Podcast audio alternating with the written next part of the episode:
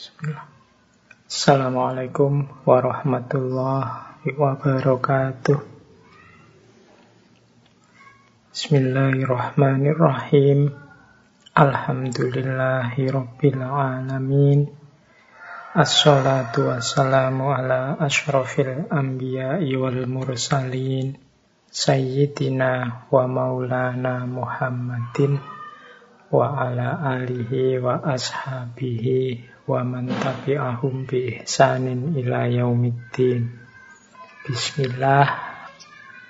Mari teman-teman kita lanjutkan ngaji filsafat kita.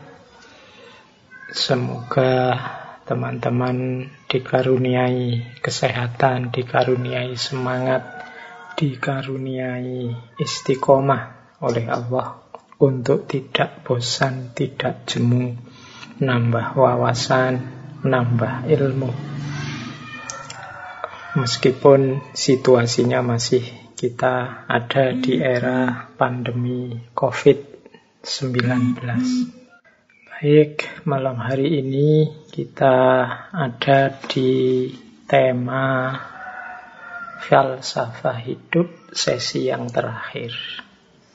Malam hari ini kita akan membahas filosofi hidup kita sendiri, bangsa kita. Alhamdulillah, seperti yang saya singgung di banyak kesempatan, tanah air kita, Nusantara kita itu kaya dengan falsafah-falsafah hidup yang luar biasa. Ini bagi saya adalah PR untuk kita semua, untuk menjaganya, bahkan semoga juga bisa mengembangkannya. Nenek moyang kita, orang-orang yang luar biasa, orang-orang yang hebat, harusnya anak cucunya tidak kalah luar biasa, tidak kalah hebat. Baik secara mental, spiritual, bahkan juga material. Oke, ini ngaji kita sesinya sudah mencapai sekitar 290 sekian. Sudah hampir 300 sesi. Alhamdulillah. Semoga untuk seterusnya kita juga bisa istiqomah mengaji. Sedikit-sedikit mulai ada teman-teman yang mengikuti ngaji kita ini. Yo, wajarnya biasanya semakin banyak kepala semakin banyak keinginan, semakin banyak usulan-usulan, permintaan-permintaan, macam-macam mulai tema, formatnya ngaji, dan lain sebagainya. Ya insya Allah usulan-usulan yang masuk kita dengarkan, kita perhatikan, ada yang bisa segera kita penuhi, ada yang mungkin sementara tidak bisa kita penuhi, ada yang menurut saya bahkan mungkin selamanya saya tidak bisa memenuhi. Misalnya ada yang usul ke saya, Mbok Pak Faiz itu kalau ngomong agak dipercepat sedikit, yang lebih semangat sedikit, yang lebih berkobar-kobar, yang lebih oh, itu itu sulit saya penuhi. Wong yo tipe saya itu memang begini. Jadi ngomongnya santai-santai. bahasa Jawa kadang ada yang menyebutnya kelemak-kelemek kurang terengginas, kurang bergairah gitu. Ya wis. Karena kalau saya paksa ngomong cepet orasi kayak Pak Karno atau kayak teman-teman kalau demo orasi yang luar biasa itu nanti khawatirnya malah buyar. Jadi bisanya ya saya menyampaikannya seperti ini. Jadi nyuwun sewu ya untuk teman-teman yang mintanya lebih bergairah, lebih terengginas, lebih meledak-ledak. Saya kesulitan kalau pakai paradigmanya yin yang kemarin mungkin gaya ngomongnya saya ini rotok gaya yin. Jadi tidak bisa dipaksa untuk berapi-api. Tapi semoga ya meskipun gayanya gelemak-gelemek seperti ini teman-teman bisa sedikit-sedikit memperoleh manfaat dari ngaji kita ini. Semoga usulan-usulan yang lain yang bagus-bagus yang bisa kita penuhi, bisa segera kita penuhi. Ya meskipun sifatnya tidak wajib ya. Tidak wajib itu maksudnya hidup kita ini sudah banyak tugas-tugas, sudah banyak hal-hal yang harus kita wujudkan. Tidak harus kita nambah-nambah lagi beban. Kalau memang bisa segera kita penuhi usulan-usulan tadi, ya kita penuhi. Kalau tidak, ya tidak apa-apa. Semoga kapan-kapan bisa kita penuhi. Yang penting, tolong seperti sering saya sampaikan, fokusnya teman-teman tetap pada ilmunya, pada wawasan-wawasannya, dan semoga tidak hanya berhenti di mendengarkan ngaji ini saja, tapi juga silahkan memperdalam, mengkaji lebih dalam pada isu-isu yang teman-teman berminat. Ngaji kita ini kan sering saya istilahkan ini hanya provokasi, mancing-mancing minat teman-teman untuk mendalami ilmu semakin dalam dan semakin luas. Baik, bismillah, yuk kita mulai. Tema kita malam hari ini, falsafah hidup yang dikenal oleh masyarakat Jawa. Namanya Cokro Manggilingan. Ini juga banyak permintaan ke saya, Pak Faiz, yang falsafah-falsafah Nusantara Kok saya lihat banyaknya hanya Jawa saja. Kan kita kaya, Sunda juga ada, mungkin teman-teman Bugis, Makassar, Minangkabau, Aceh, Maluku, semuanya punya falsafah-falsafah hidup yang luar biasa. Semuanya menurut saya layak untuk kita hidupkan kembali, untuk kalau bahasa Jawanya kita uri-uri, kita lestarikan dan kita kembangkan. Mengapa kok saya lebih seringnya Jawa? Yo nyuwun sewu wong saya ini aslinya ya Jawa. Jadi lebih akrab dengan wacana-wacana Jawa. Bukan berarti tradisi-tradisi falsafah Nusantara yang lain saya tidak kenal. Tapi saya sebenarnya menunggu ini. Ayo teman-teman yang Sunda, teman-teman yang Bugis, Makassar, teman-teman yang dari mana-mana yang memiliki falsafah-falsafah hidup yang luar biasa, yuk kita angkat, yuk kita sebar-sebarkan, yuk kita populerkan kembali lewat media-media sosial yang teman-teman miliki. Jadi ini semoga nanti ada ya, tidak harus saya. Khawatirnya saya dianggap sok ngerti segala tema, segala materi tentang apa saja. Tapi ya kalau memang mood dan momennya pas, tidak menutup kemungkinan nanti ngaji kita ini juga mengangkat tema-tema falsafah hidup Nusantara yang tidak hanya Jawa. Tapi malam hari ini coba kita tengok dulu ya. Yang ini populer sekali kalau di kalangan masyarakat Jawa. Yaitu Cokro Manggilingan. Bagi teman-teman yang dari luar Jawa, Mungkin istilah ini agak asing, tapi yang Jawa semoga pernah mendengar istilah cokro manggilingan. Ini kombinasi dari dua kata, yaitu yang pertama cokro atau cakra, dan yang kedua manggilingan. Cokro itu bagi teman-teman yang penggemarnya wayang, suka nonton wayang, apa kalau hari ini mungkin nontonnya sinetron, tidak apa-apa lah. Sinetron wayang kemarin ada yang India itu Mahabharata. Cakra ini senjatanya Krishna. Kalau di wayang Jawa ini Krishna ini raja, ratu dari Dworowati. Kalau di wayang biasanya lengkapnya disebut Sri Betoro Krishna senjatanya cakra cokro, jadi lempengan bulat yang punya gerigi tajam. Teman-teman bisa membayangkan gearnya rodanya sepeda. Itu kan bentuknya bulat, kemudian ada gerigi-gerigi tajamnya. Nah, Sri Betoro Kirisno itu senjatanya cakra itu nanti ada filosofi dan sejarahnya sendiri. Mungkin kapan-kapan kalau kita berlanjut membahas falsafah Hinduisme. Nah, selain cokro ada istilah manggilingan. Manggilingan itu artinya menggelinding, berputar. Jadi cokro manggilingan itu ya senjata cakra yang berputar. Lempengan bulat yang bergerigi tajam yang bergerak menggelinding. Cokro manggilingan ini secara umum sebenarnya merupakan lambang, merupakan ibarat dari roda kehidupan ini, siklus kehidupan kita perputaran masa hidupnya manusia. Itu sifatnya seperti cokro yang berputar. Teman-teman mungkin ingat yang ada-ada ada istilah hidup ini seperti roda, kadang di atas, kadang di bawah. Eh, maksudnya sama dengan itu.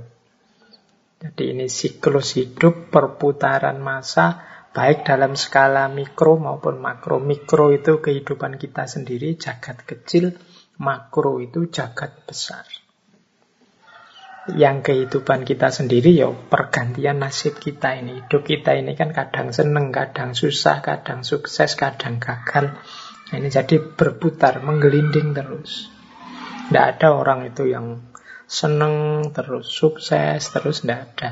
Berhasil terus juga tidak ada. Hidup itu selalu kadang berhasil, kadang sukses.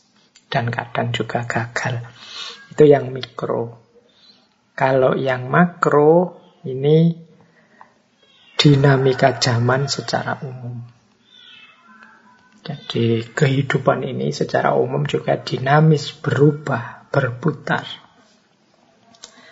Makanya orang Jawa itu punya pandangan hidup ini dengan istilah cokro manggilingan tadi. Cokro manggilingan, owah, gingsir, gilir gumanti. Jadi proses hidup ini itu seperti roda yang berputar, cokro manggilingan, owah-owah itu berubah.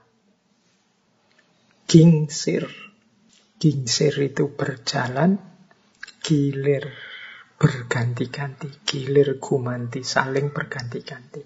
Jadi proses hidup kita ini seperti roda yang berputar, berubah, berjalan, ganti-ganti terus. Nah ini secara proses falsafah cokro manggilingan itu membaca hidup sebagai owah, gingsir, gilir, gumanti.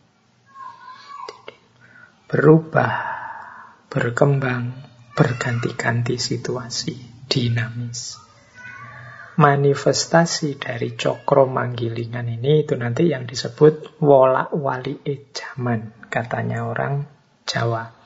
Jadi wolak wali ejaman itu bolak baliknya hidup ini. Ya tadi kadang seneng, kadang susah, kadang sukses, kadang gagal ya wolak wali ejaman. Yang dulu menang, sekarang kalah, yang dulu kalah, sekarang menang. Di ranah apa pun situasinya selalu seperti itu. Kelompok sana dulu kalah, sekarang menang. Kelompok yang dulu menang, sekarang kalah. Dan akan selalu begitu. Nah, ini namanya cokro manggilingan. Nah, cokro manggilingan ini kalau kita lihat secara akademik, nah ini kita belajar sebentar ya, ini ilmunya anak-anak kampus kalau ini. Jadi termasuk cara membaca, jadi cokro manggilingan itu cara membaca gerak sejarah yang sifatnya sirkuler, siklus atau melingkar. Kalau teman-teman belajar sejarah atau filsafat sejarah, kan ada tiga pandangan utama dalam teori sejarah itu dalam membaca geraknya sejarah. Jadi ada yang berpandangan sejarah itu bergerak linier, maju terus. Ada yang sebaliknya, sejarah itu bergerak mundur atau regres. Ini mungkin teman-teman baru dengar ya, coba nanti kita cek seperti apa. Dan yang ketiga, ada pandangan sejarah itu ya geraknya melingkar. termasuk cokro manggilingan ini.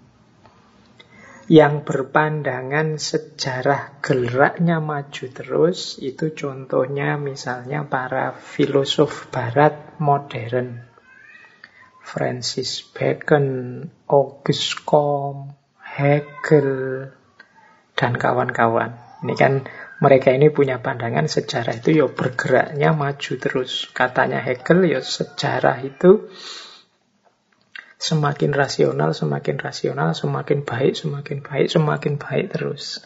Itu versinya Hegel. Kalau katanya August Comte kan masyarakat itu dari masyarakat teologis, kemudian masyarakat metafisik, kemudian masyarakat positif yang modern. Jadi tambah maju, tambah maju.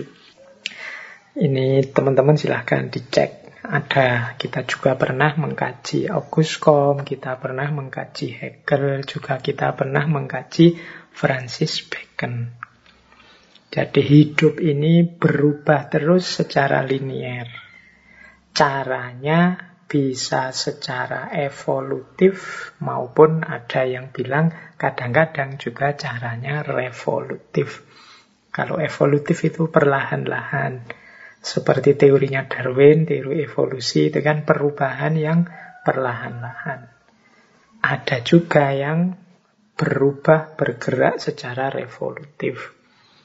Misalnya, teman-teman pernah dengar ada revolusi industri, ada revolusi teknologi, misalnya. Belakangan kita dengar istilah revolusi IT. Hari ini zamannya 4.0. Pandangan-pandangan sejarah yang bergerak linier maju. Berubah ke arah manusia itu tambah maju, tambah maju, tambah maju. Nah, ini pandangan sejarah yang linier. Ada kebalikannya. Kebalikannya menyatakan bahwa sejarah itu bergerak regres Meskipun tidak seutuhnya. Jadi ini pandangan ini begini maksudnya. Gerak sejarahnya manusia itu tidak selalu maju. Tapi dalam maju ini kadang-kadang ada juga yang mundur. Semakin jelek. Ada pandangan misalnya begini, iya sih manusia modern itu secara ilmu pengetahuan, secara teknologi, dia semakin maju tapi secara moral, secara spiritual, dia semakin jelek. Nah, ini nanti ada yang bilang inilah paradigma sejarah itu seolah-olah geraknya mundur. Tentang kearifan lingkungan misalnya. Kita teknologi bagus, tapi semakin merusak lingkungan. Lebih bagus nenek moyang kita dulu cara menyikapi lingkungan. Jadi tambah jelek. Jadi tidak tambah maju. Makanya orientasinya justru harus kita mundur ke belakang lagi. Dulu teman-teman mungkin pernah kita mengkaji Sayyid Hussein Nasr atau Goethe kalau yang dari barat. Ini dua-duanya mengkritik peradaban manusia yang modern. Ternyata manusia modern itu canggih secara sains tapi rusak secara moral dan spiritual. Kemanusiaannya juga merosot drastis. Cara menyikapi lingkungan juga hancur. Jadi era terbaik justru dulu. Berarti kita tidak bergerak maju. Sebenarnya kita ini tambah jelek, tambah jelek. Seperti gerak sejarah itu mundur. Nah ini pandangan kedua. Kalau tadi manusia itu tambah maju, tambah maju. Sekarang malah Tambah mundur, tambah mundur, kita ini tambah lama tambah jelek. Makanya ada kelompok-kelompok di kalangan kita itu kan yang masa lalu jadi kiblatnya. Jadi orientasinya. Kita harus berkiblat ke nenek moyang kita. Nah ini ya ada benernya, ada juga kurangnya. Ini kalau dalam bahasa berpikir kritis itu ya memang berpikirnya harus lebih komprehensif, jangan digeneralisir. Yang tadi bilang sejarah itu maju ya mungkin benar sampai level tertentu, yang bilang sejarah itu mundur juga mungkin ya ada benarnya sampai level tertentu. Nanti kapan-kapan kita bahas lagi isu ini mungkin di filsafat sejarah. Oke. Yang ketiga, nah ini yang kita bahas malam hari ini. Sejarah itu berputar secara eh sejarah itu bergerak secara berputar. Jadi yo kadang di atas, kadang di bawah. Jadi prosesnya bergiliran. Zaman dulu misalnya kita awali filsafat lahir di era Yunani Barat, Barat maju. Kemudian di abad tengah muncul agama-agama, geser ke timur, Islam dengan peradaban timurnya. Sebelum Yunani dengan filsafatnya, sebelum itu kan juga banyak peradaban-peradaban timur yang maju.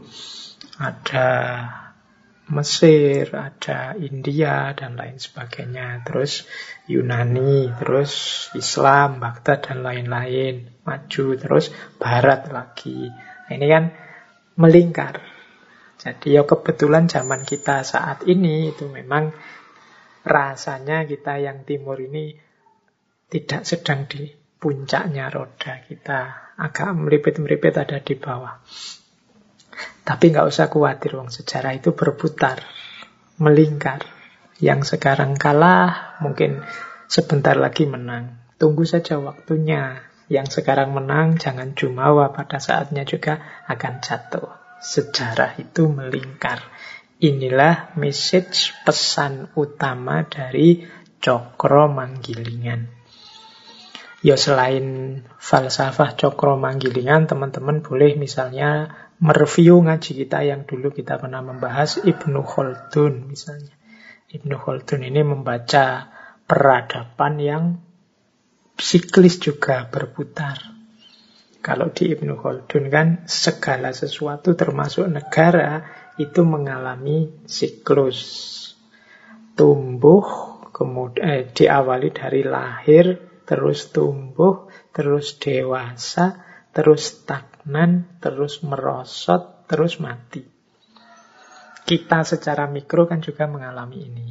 Negara, katanya Ibnu Khaldun juga begitu. Negara itu ada fasenya dia lahir, kemudian tumbuh, berkembang, kemudian mateng, dewasa, kemudian stagnan, kemudian merosot, kemudian hancur, mati, lahir negara yang baru, dinasti yang baru. Nah, itu pembacaannya Ibnu Khaldun, proses ini terus-menerus. Ya silahkan, kalau teman-teman tertarik misalnya, Pak, kalau Indonesia ini fasenya ada di mana? Kalau lahir, sudah ya. Mungkin kita ada di tumbuh, karena kita kan disebutnya negara berkembang, negara berflower. Gitu. Kita sedang tumbuh, tapi kok lama ya tumbuhnya? Harusnya setelah tumbuh itu dewasa. Setelah itu biasanya status quo, stagnan. Atau jangan-jangan kita sudah dewasa dan sekarang sedang stagnan. Atau jangan-jangan dewasa dan stagnannya dilewati terus sekarang sedang menurun. Ya wis monggo dibaca analisismu, coba nanti bikin tulisan ya kalau pakai teori siklusnya Ibnu Khaldun ini kita ada di mana. Dan teori ini nanti cocok dengan yang kita bahas malam hari ini, yaitu cokro manggilingan. Jadi hidup ini berputar seperti cakra, seperti roda. Oke, nambah sedikit tiba-tiba saya ingat tentang Ibnu Khaldun tadi. Kalau di teorinya Ibnu Khaldun, runtuhnya hadoroh, runtuhnya peradaban, itu cirinya enam. Yang pertama, kalau ada merajalela ketidakadilan. Jurang kaya miskin melebar. Yang kedua, penindasan. Yang ketiga, runtuhnya nilai-nilai dan moralitas di tengah masyarakat.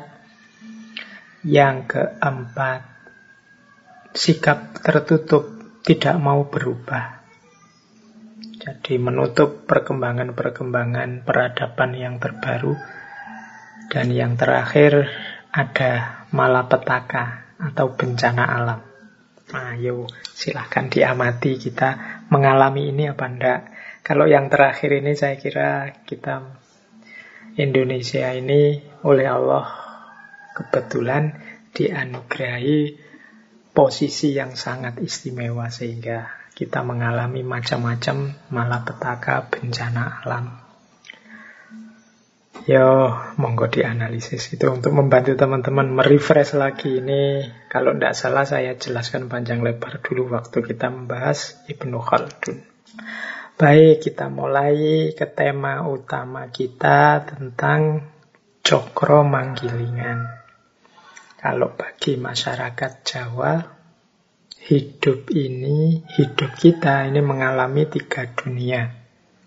Yang pertama, alam Purwo, yang kedua alam Madyo, dan yang ketiga alam Usono. Alam Purwo itu alam sebelum kita hadir di muka bumi ini. Alam Madyo itu pengalaman kita hidup di dunia di muka bumi. Dan yang ketiga alam Wusono. Alam Wusono itu alam nanti setelah kita meninggal setelah kita hidup. Jadi ini makanya falsafah hidup timur termasuk Jawa itu secara umum menerima adanya tiga dunia ini. Bandingkan nanti dengan filsafat barat tertentu yang hanya menerima alam madyo atau alam syahadah kalau bahasa Arabnya. Jadi tidak mau membahas alam purwo, tidak mau membahas alam wusono. Karena dianggap dua alam ini metafisik. Dan yang metafisik itu tidak ada gunanya dibahas, katanya orang modern. Beberapa filosof bilang alam metafisik itu meaningless. Tidak ada gunanya kalau dibahas. Mungkin ada tapi tidak penting dibahas. Beda dengan tradisi filsafat timur yang menerima bahwa ada hidup sebelum kita di dunia ini dan nanti ada hidup setelah kita meninggal nanti. Maka perputaran cokro manggilingan itu tidak terbatas di alam madyo saja. Jadi kalau teman-teman merasa, Pak, masa iya sih siklus perputaran hidup itu ada wong saudara saya, tetangga saya, teman saya atau jangan-jangan saya sendiri merasa sejak kecil sampai sekarang hidup susah terus. Atau saya ini orang kaya loh Pak, perasaan nggak pernah itu Pak mengalami susah hidup, ya rasanya lancar-lancar saja, enak-enak saja, senang-senang saja. Nah itu ya kalian mungkin ngukurnya hanya di alam madyo. Jangan lupa nanti ada alam wusono. Kalau kita tidak mengelola dengan baik alam matio, ya di alam wusono kita akan panen. Karena ini juga siklus cokro manggilingan. Jangan sampai kita tertawa-tertawa hari ini, besok di alam wusono kita jungkir balik kesulitan.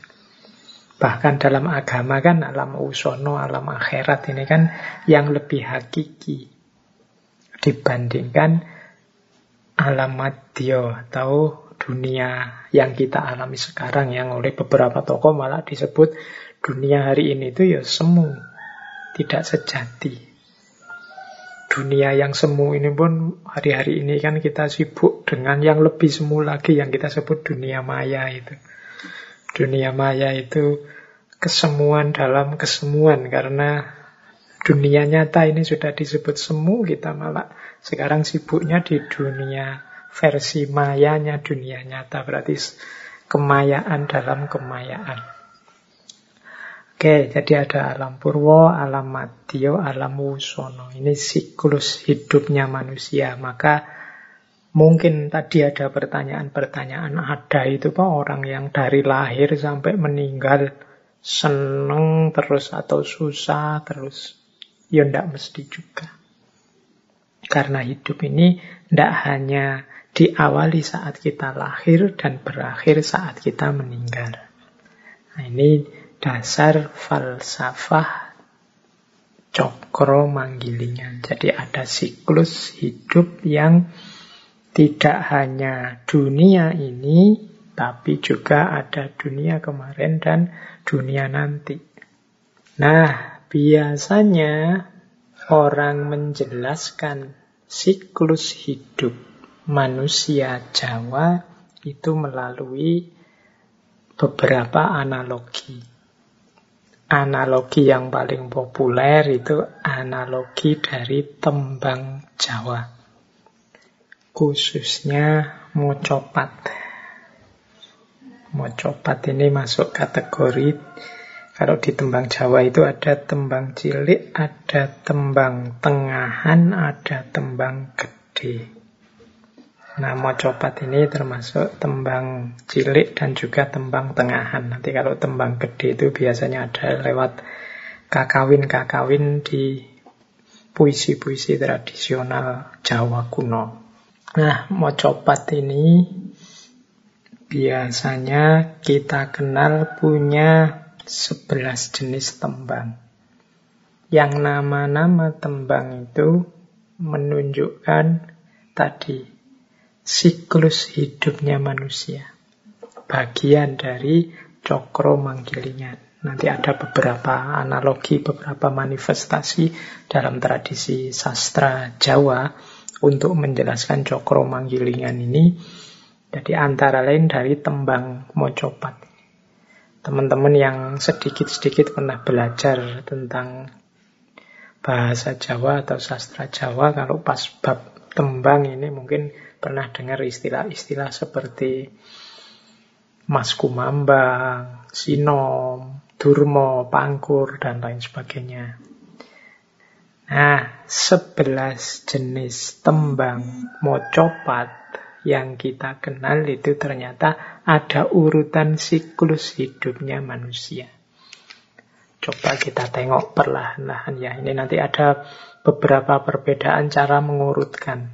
Tapi saya urutkan di versi yang lebih populer saja. Jadi hidup manusia itu diawali dari Mas Kumambang, kemudian Mijil, kemudian Sinom, kemudian Kinanti, kemudian Asmorondono, kemudian Gambuh, Dandang Gulo, Durmo, Pangkur, Megatruh, dan Pucung. Ini mohon maaf ya yang dari luar Jawa yang bukan Jawa.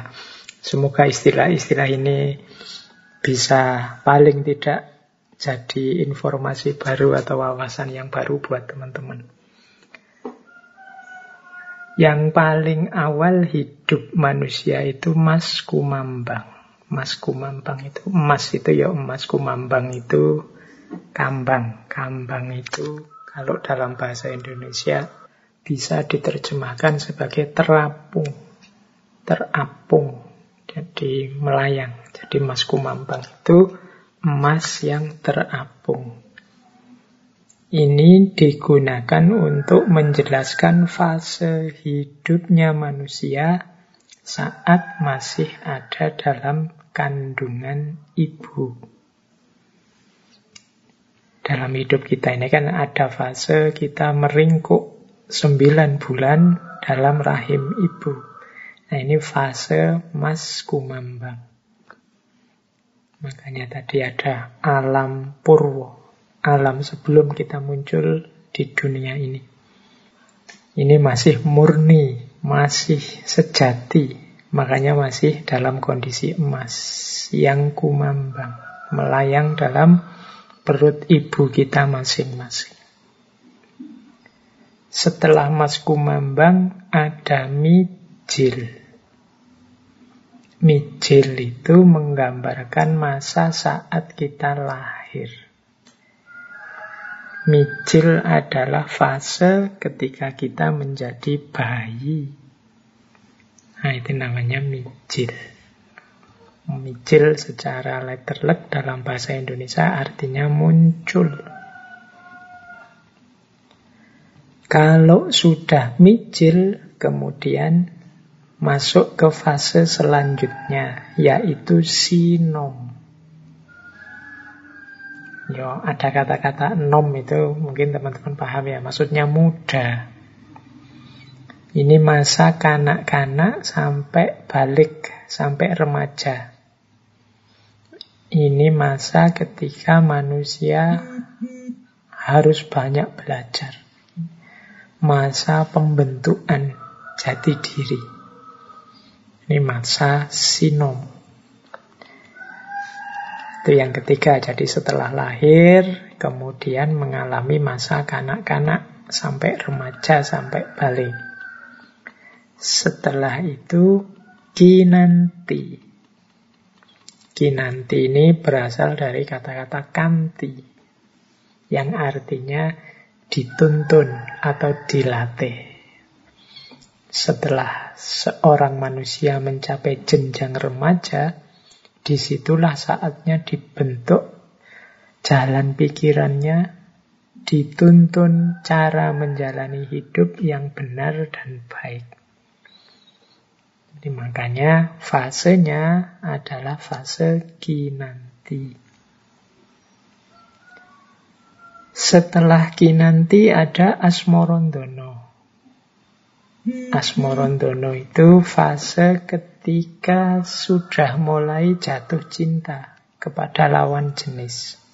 Jadi ya dari kata-kata asmoro itu teman-teman mungkin ngerti ya ada unsur asmaranya. Makanya dinamai asmorondono. Rasa cinta asmara kepada lawan jenis. Ini kodrat pasti dilewati kalau normal. Kalau situasinya biasa normal kan kan selalu ada situasi-situasi khusus itu. Ya situasi khusus membahasnya khusus secara umum ya asmorontono itu fase ketika seseorang cinta kepada lawan jenisnya.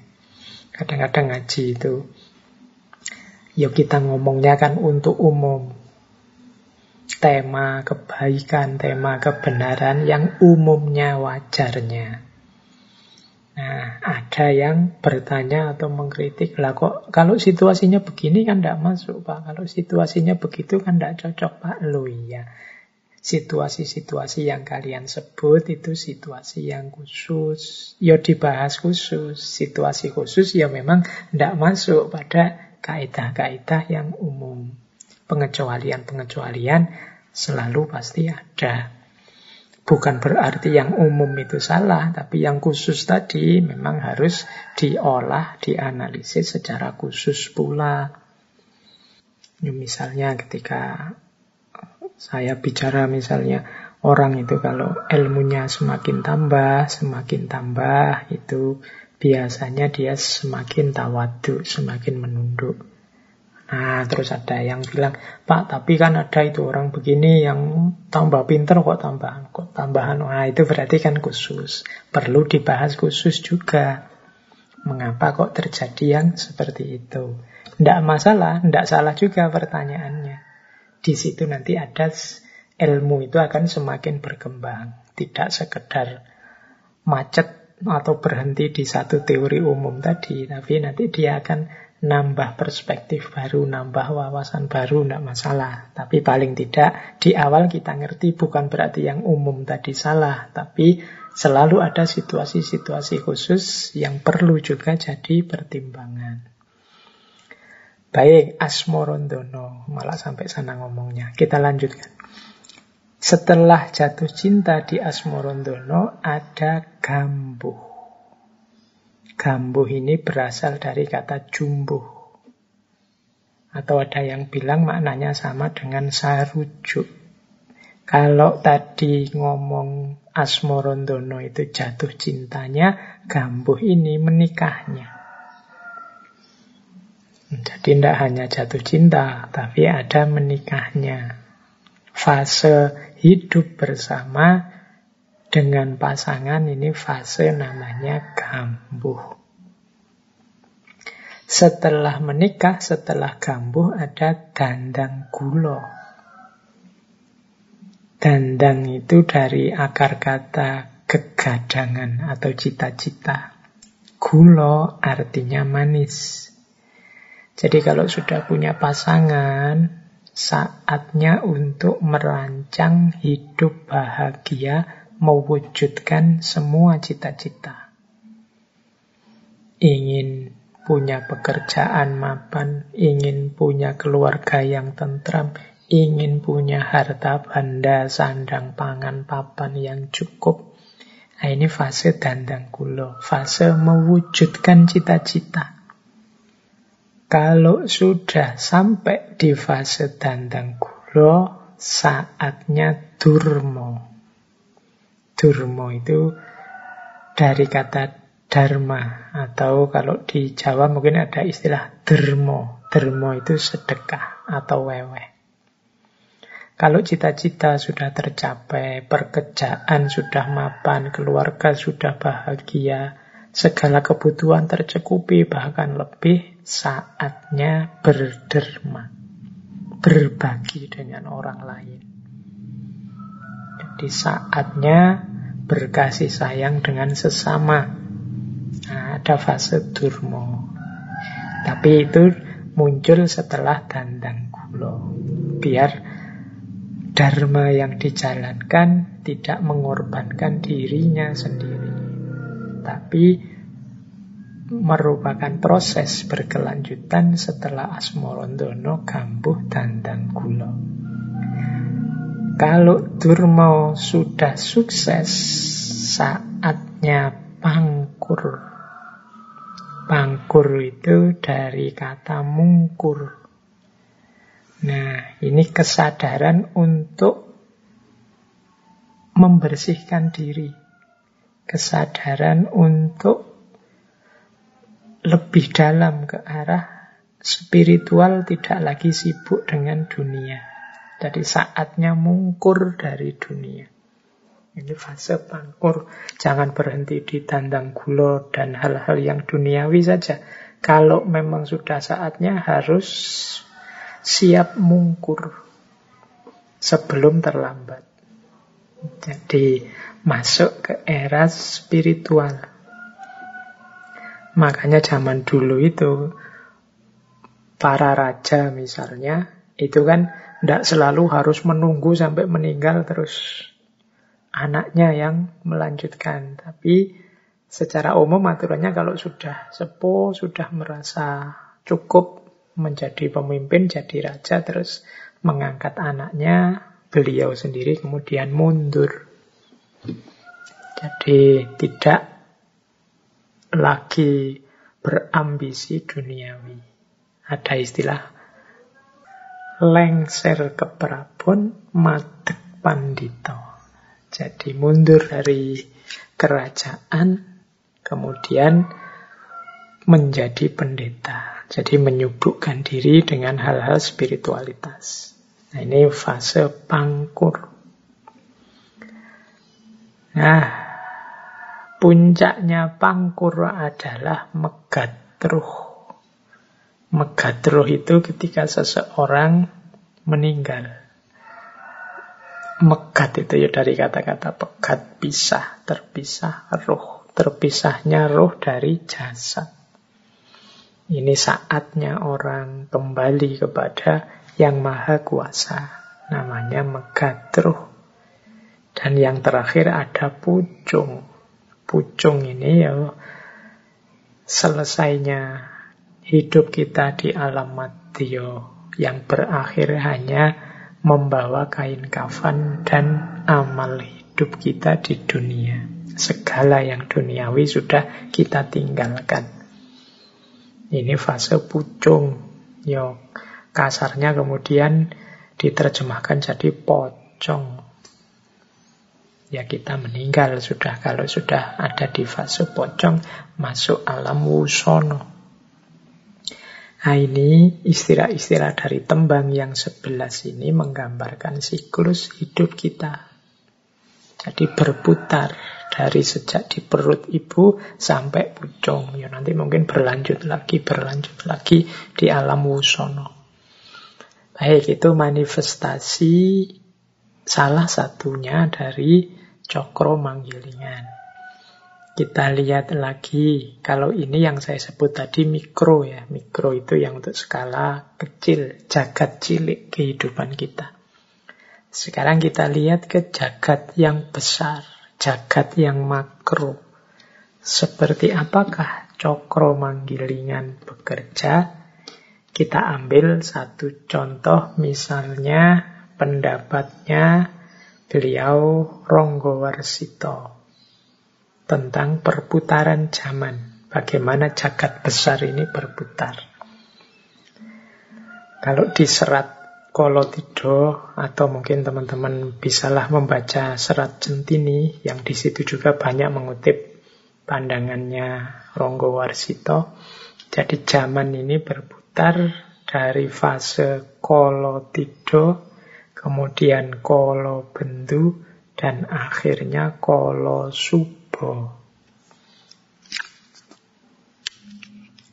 Jadi ini sebenarnya fase-fase akhir zaman. Kalau dalam Ronggo Warsito, jadi fase-fase zaman yang berputar dari lahirnya satu peradaban, satu budaya, sampai mengalami masa-masa akhir. Nah, masa-masa akhir itu diawali dari Kolotido. Zamannya beliau, Ronggo Warsito sendiri itu beliau menyebutnya zaman Beliau itu ya zaman kolo bendu yang diawali dari kolo tido. Jadi ada kolo tido, kemudian kolo bendu, dan nanti mengalami perbaikan saat kolo subo. Kolo tido itu zaman egoisme. Jadi ketika orang mengejar kesenangannya sendiri kebaikan dan kebenaran diremehkan. Pembedaan-pembedaan ini benar loh, itu salah. Ini adil loh, kalau yang itu tidak adil. Ini baik, kalau yang itu buruk. Itu sudah tidak lagi dikubris. Semua orang mengedepankan kepentingannya sendiri. Nah, ini zaman kolotido. Zaman kolotido ini muncul biasanya setelah orang mengalami stabilitas, mengalami kemapanan, kemudian muncul egoisme-egoisme. Ingin enaknya sendiri, ingin menang terus, ingin senang terus. Berbeda dengan era sebelumnya. Biasanya era-era sebelumnya ini kan era membangun, era membentuk, era apa era menata dan lain sebagainya. Nah, biasanya kalau sudah mulai makmur, mulai sukses, mulai juga egoisme. Mulai juga orang merasa, ya sudah ini sudah enak, sudah benar. Terus masing-masing ingin senangnya sendiri. Akal sehat diremehkan. Menganggap dirinya selalu benar. Ini awal-awal kerusakan namanya kolotido. Kalau kolotido semakin parah, akan muncul kolobendu. Kolobendu ini semacam puncaknya kolotido. Ini yang disebut zaman edan oleh Ronggo Warsito. Jadi di zaman ini, di era kolobendu ini, ya memang kelihatannya stabil kelihatannya beres, tapi beres dalam ketidakberesan. Stabil tapi kelihatannya. Makanya ilustrasi zaman edan itu kan semua orang sudah edan. Kalau ndak ikut edan, ndak keduman. Maka semua ingin keduman. Akhirnya edan semua. Di kalangan orang edan semua itu yang waras yang dianggap edan. Karena semua edan, yuk ketoknya sama semua. Kelihatannya beres semua. Tapi beres dalam ketidaksadaran. Di antara cirinya, nanti teman-teman yuk boleh bacalah dulu, kita pernah sekilas juga membahas beliau Ronggo Warsito ini. Ketidakadilan didewakan demi kenyamanan sebagian orang. Kemewahan dipertontonkan. Jeritan yang lemah dan tertindas tidak dihiraukan penjahat dipandang sebagai pahlawan dan orang yang jujur malah ditertawakan dan disingkirkan. Tata nilai dan tata kebenaran dijungkir balikkan. Ini zaman kalau bendu sudah. Yang baik dianggap penjahat, yang jahat dianggap pahlawan. Kebolak-balik tata nilainya. Yang tidak adil dipuji-puji. Yang dizolimi dicela-cela. Kalau bentuk. Jadi tampaknya stabil, tapi kestabilan itu dalam ketidaksadaran. Ini menurut Ronggo Warsito cirinya zaman kolo bendu. Tapi ya karena dunia ini cokro manggilingan, pada saatnya kolo bendu juga akan berganti jadi kolo subo. Jadi kolo subo itu zaman solusi.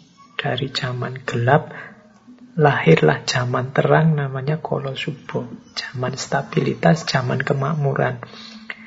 Biasanya digambarkan akan muncul seorang tokoh yang hadir sebagai penyelamat, seorang ratu adil. Yang dia ini dalam perjuangannya didukung oleh orang-orang yang selalu eling lan waspodo.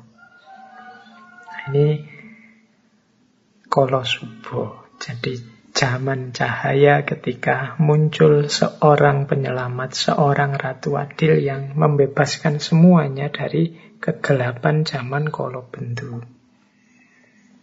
Nah, kolo subo ini kan kemakmuran, ketentraman. Tapi juga tidak akan tetap begitu. Pada saatnya kolo subo akan berganti jadi kolo tido. Kolo tido akan berpuncak pada kolo bendu dan di puncak kolo bendu akan muncul kolo subuh. Terus begitu. Itulah contoh cokro manggilingan. Jadi zaman itu tidak sekedar hanya susah kemudian selesai atau hanya seneng kemudian selesai, tapi yo ganti-ganti. Jadi ada kolo tido, ada kolo bendu, ada kolo subuh. Kolo subuh juga akan nanti muncul orang-orang egois mencari senangnya sendiri, tidak peduli baik buruk benar salah. Lahirlah. Kalau tidak semakin parah, muncullah kalau bendu. Pada puncaknya kalau bendu muncul tokoh yang menyelamatkan. Di situlah kalau subo lahir. Nah, jadi inilah perputaran zaman secara cokro manggilingan. Makanya teman-teman yo menyikapi kalau kita punya visi cokro manggilingan ini yang sedang sedih, ndak usah putus asa. Zaman pasti ganti dan berubah. Yang sedang sukses, sedang menang, jangan jumawa karena zaman juga pasti akan berubah. Hidup kita kadang di atas, kadang di bawah. Baik, yo kalau tentang tiga ini teman-teman boleh kembali lagi mencari serat kolotido atau hari ini kan banyak itu tulisan-tulisan atau mungkin video-video YouTube yang membahas tentang Ronggo Warsito dan ramalan-ramalan akhir zaman versi para Pujangga Jawa. Oke, kita lanjutkan. Nah, dalam tradisi falsafah hidup Jawa ada konsep juga cara menyikapi cokro manggilingan. Ketika kita menyadari bahwa hidup ini berputar, hidup ini tidak statis, tapi selalu bergerak, berubah dan dinamis, apa yang harus kita pedomani? Ada istilah dalam budaya Jawa namanya triwikromo. Triwikromo ini ada yang mengartikan keteguhan hati, ada yang mengartikan alam. Jadi triwikromo itu tiga prinsip, tiga ranah dalam hidup kita yang harus kita taklukkan. Yaitu masa lalu, masa kini, dan masa depan. Menghadapi hidup yang berputar, kadang di atas, kadang di bawah, yang selalu berubah, senjata kita adalah triwikromo. Menguasai masa kini, masa depan, dan juga masa lalu. Prinsipnya apa? Bagaimana cara kita menguasai? Nah, cara menguasai atau prinsip-prinsipnya adalah yang pertama, kita harus selalu ingat bahwa yang kita rasakan saat ini adalah buah dari yang kita lakukan di masa lalu. Berarti apa? Kita harus mengambil pelajaran dari masa lalu sehingga kita nanti di masa depan bisa mengalami hal yang lebih baik daripada yang sekarang kita alami. Saya sudah enak kok Pak, masa lalu saya tertib sehingga sekarang saya bahagia. Ya, maka belajarlah dari masa lalumu sehingga engkau bisa di masa depan bahagia terus atau syukur-syukur bisa semakin bahagia. Saya di masa lalu kemarin masih ada keliru-kelirunya Pak. Ya, berarti buahnya keliru-keliru itu kan engkau rasakan sekarang. Maka lakukan perbaikan saat ini biar nanti kalian di masa depan tidak merasakan buahnya keliru-kelirumu seperti yang kau rasakan sekarang. Jadi itu prinsip pertamanya itu. Ya nyambung dengan prinsip yang kedua. Kalau prinsip yang kedua, yang kita lakukan sekarang akan kita nikmati buahnya di masa depan. Ini sama. Jadi apa yang kita lakukan sekarang, ya siap-siap menerima hasilnya di masa depan. Jadi kalau diringkas dengan satu kata, Triwikromo itu menaklukkan masa lalu, masa kini, masa depan dengan cara belajar dari masa lalu, memperbaiki masa kini demi lebih baik di masa depan. Inilah cara kita menaklukkan tiga masa. Jangan sampai kita jatuh di lubang yang sama. Berarti kita tidak belajar dari masa lalu, apalagi tambah lebih jelek dari kemarin. Nah itu berarti ya kita tidak belajar dari masa lalu. Kalau dalam Islam itu kan jelas, Muslim itu yaumuhu khairun min amsihi. Hari-harinya saat ini itu lebih baik dari kemarin. Dan hari besok lebih baik. Harus kita pastikan lebih baik dari hari ini. Tidak boleh sama saja. Kalau sama saja kita disebut orang yang rugi. Dan kalau lebih jelek, kita disebut orang yang terlaknat. Maka ayo hati-hati mengelola masa, mengelola waktu. Waktu bisa menjadi teman kita yang paling ampuh, paling dahsyat, tapi Sebaliknya dia juga bisa jadi musuh kita yang paling menghancurkan. Mari kita taklukkan lewat Triwikromo. Dengan cara tidak sembrono, kita hidup hari ini dengan belajar dari kesalahan-kesalahan di masa lalu untuk mendapatkan buah yang lebih baik di masa depan. Jadi ini rumus pokoknya menghadapi cokro manggili. Oke, kita lanjutkan.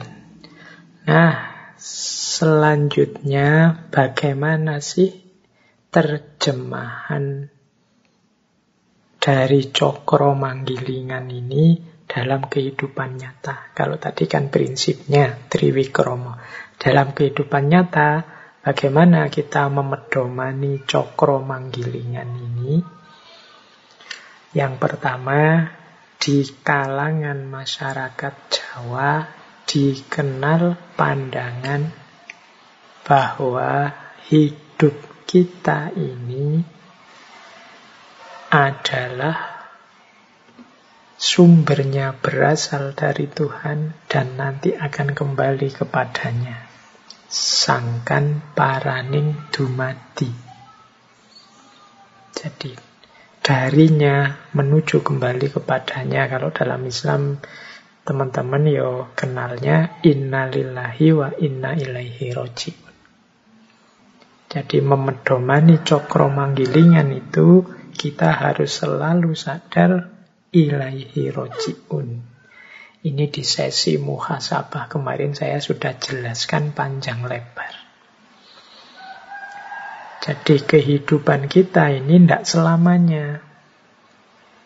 Kita akan berputar lagi kembali pada Allah. Jadi kita ini berasal dari Allah, nanti kembali lagi kepada Allah. Itu kalau dalam budaya Jawa dikenal konsep sangkan paraning dumati. Hidup ini kalau menurut Sunan Kalijogo kan diibaratkan seperti orang ke pasar. Kalau kita ke pasar itu ya berangkat ke pasar pagi-pagi kan nanti sebentar kemudian kan kita pulang lagi. Kalau sudah mendapat apa yang kita butuhkan. Jadi dari rumah menuju pasar dan nanti balik lagi ke rumah. Dari Allah Kemudian kita hidup di dunia nanti kembali lagi kepada Allah. Dan itu tidak lama. Di Jawa dikenal ungkapan hidup itu urip iku prasasat koyok wong mampir ngombe. Hidup itu seperti orang yang mampir sebentar untuk minum. Jadi ya pastinya dia jangkanya sangat pendek dibandingkan alam yang lain. Tadi ada alam wusono tadi. Oleh karena itu, ya karena hidup ini hanya pendek sebentar, kita harus hati-hati. Jangan sampai kehabisan waktu. Kalau tadi misalnya analoginya hidup itu untuk mampir ngombe, ya cepet-cepet ngombe. Kalau analoginya untuk belanja di pasar, segera kita beli kebutuhan kita untuk yang kita butuhkan di rumah. Jangan sampai waktu kita habis, kita belum sempat minum. Transit sebentar di dunia, lupa yang kita butuhkan apa. Jadi itulah sangkan paraning dumadi kita ini berproses dari Allah menuju Allah lagi, dari Tuhan kembali kepadanya. Dulu zaman saya naik naik bis antar kota itu kan sering ada fase transitnya. Di situ orang ke toilet, kemudian makan. Nah, itu saya membayangkan ya seperti ke pasar tadi, hidup di dunia ini seperti orang transit saat kita melakukan perjalanan panjang. Di situ ya cepet-cepet ke toilet, cepet-cepet minum, kalau butuh makan cepet-cepet makan. Setelah itu balik lagi ke base melakukan perjalanan ke tujuan yang memang kita tuju. Ya kayak kalau sekarang lewat tol ya berarti hidup di dunia ini seperti mampir sebentar di rest area. Segera kita penuhi kebutuhan kita dan berjalan kembali. Jangan sampai kita melalaikan kebutuhan kita, kemudian waktunya habis, keperluan perjalanan kita tidak terpenuhi. Apalagi terus lupa kalau kita harus melanjutkan perjalanan, asik di rest area saja, tidak keluar-keluar dari situ. Nah, ingat-ingatlah hidup ini sangkan paraning dumadi.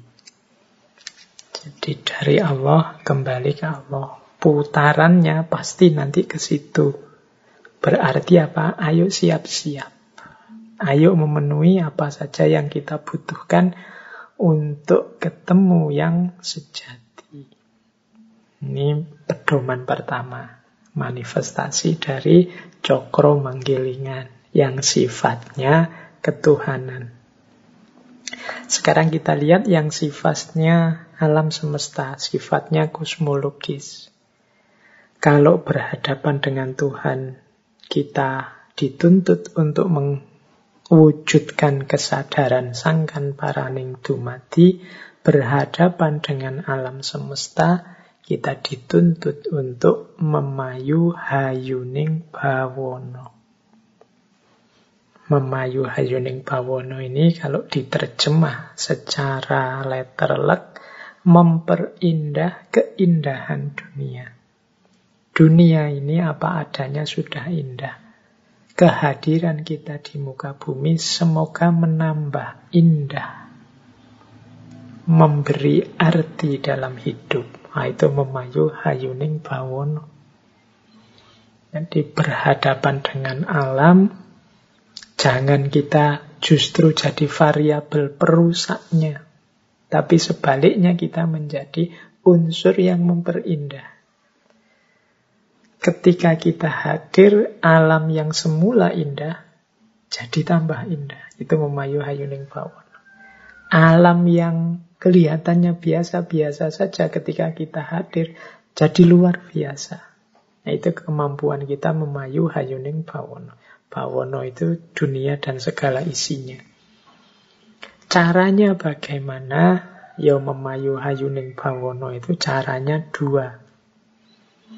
Menanamkan kebaikan. Dan yang kedua, mengendalikan diri agar tidak melakukan kerusakan. Mengendapkan nafsu agar lebih terkendali. Ini jadi caranya dua. Ada cara yang pasif, ada cara yang aktif. Cara yang pasif itu mengendalikan diri untuk tidak merusak. Cara yang aktif itu mewarnai dunia ini, mewarnai bumi ini dengan kebenaran-kebenaran, kebaikan-kebaikan, keindahan-keindahan yang bisa kita wujudkan. Itulah memayu hayuning bawono. Memperindah keindahan dunia. Ya tentu saja untuk memayu hayuning bawono, untuk sangkan paraning dumati, kita butuh ilmunya. Jadi ilmu ini nanti vital. Jangan sampai kita, saya itu ndak anu kok Pak, ndak ingin menghancurkan dunia ini. Malah yang saya lakukan itu memperbaiki. Tapi ketika ilmunya kurang, jangan-jangan yang kita sebut memperbaiki itu malah merusak. Kehadiran kita jadi variabel, jadi unsur yang justru mengacaukan dunia. Nah, ini orientasi yang kedua sebagai manifestasi dari cokro manggilingan adalah memayu hayuning bawon. Kalau tadi kesadaran bahwa akhirnya kita akan kembali kepada Tuhan sehingga hidup kita harus tidak terlena, harus selalu waspada, tidak mudah menyia-nyiakan waktu untuk senang-senang saja karena kita punya misi sangkan paraning dumati. Yang kedua ini memayu hayuning bawono. Kehadiran kita yang sebentar usia manusia itu kan tidak panjang. Sepanjang-panjang usia kita paling berapa sih? Itu kan berarti sebentar. Kehadiran kita yang sebentar ini semoga menambah indahnya dunia yang sudah indah. Ini memayu hayuning bawono. Oke. Baik, ya ini kalau mau kita tambah penjelasannya, ini bisa berhubungan dengan etika, bisa berhubungan dengan teologi, bisa berhubungan dengan ekologi tentang lingkungan, bisa juga berhubungan dengan antropologi, sosiologi, dan lain sebagainya, bahkan mungkin juga politik. Bagaimana kita mengembangkan sistem politik kehidupan politik yang memayu hayuning bawono. Bagaimana kita mewujudkan hidup berbudaya yang memayu hayuning bawono. Bagaimana kita membentuk kosmos, kita menyikapi kehadiran kita di alam semesta yang memayu hayuning bawono. Inilah prinsip-prinsip dasar kehidupan Jawa yang antara lain bersumber dari falsafah Cok makro manggilinya. Nah, sekarang yang ketiga. Ini juga lanjutannya orientasi hidup berdasarkan cokro manggilingan. Kalau ini secara psikologis. Kalau tadi kosmologis, kosmologis itu tentang alam yang memayu hayuning bawono, sebelumnya teologis berhubungan dengan Tuhan, sangkan paraning dumati, kalau ini secara psikologis, kejiwaan manusia yang berhubungan dengan cokro manggilingan. Ini saya pinjam dari Ki Ageng Suryo Mentara. Dulu pernah kita bahas panjang lebar tentang beliau ini. Silahkan dicari rekamannya. Ini saya ngomong ringkas saja dari berbagai teori yang beliau sampaikan. Jadi di antara pola cokro manggilingan dalam hidup mikro psikologis kita itu adalah kita harusnya sadar bahwa senang dan susah itu sementara. Teman-teman yang mengkaji Ki Ageng Suryo Mentara mungkin masih ingat istilah mulur dan mungkret. Jadi menurut Ki Ageng Suryo Mentara, rasa hidup manusia sedunia ini sama saja. Yakni pasti sebentar senang, sebentar susah sebentar senang, sebentar susah. Tidak ada orang itu yang senang terus dari lahir sampai mati, tidak mungkin. Orang kok sedih terus, tidak ada senangnya sama sekali. Tidak mungkin, kecuali orang yang tidak mau bersyukur. Jadi selalu hidup itu naik turun, naik turun. Sekalipun orang kaya, miskin, raja, kuli, wali, bajingan itu paling banyak saya terjemahkan langsung dari bukunya beliau. Rasa hidupnya sama saja, yaitu sebentar senang, sebentar susah. Yang sama adalah rasanya senang susah, lama, cepat, berat, ringan, ini sama. Sedangkan yang berbeda adalah yang disenangi apa. Cuma itu saja yang berbeda. Ada orang yang senangnya punya teman banyak, ada orang yang senangnya punya uang banyak, ada orang yang senangnya kalau ibadah, ada orang yang senangnya kalau rekreasi. Kalau ini beda-beda. Tapi rasa sebentar senang, sebentar susah, ini semua orang sama.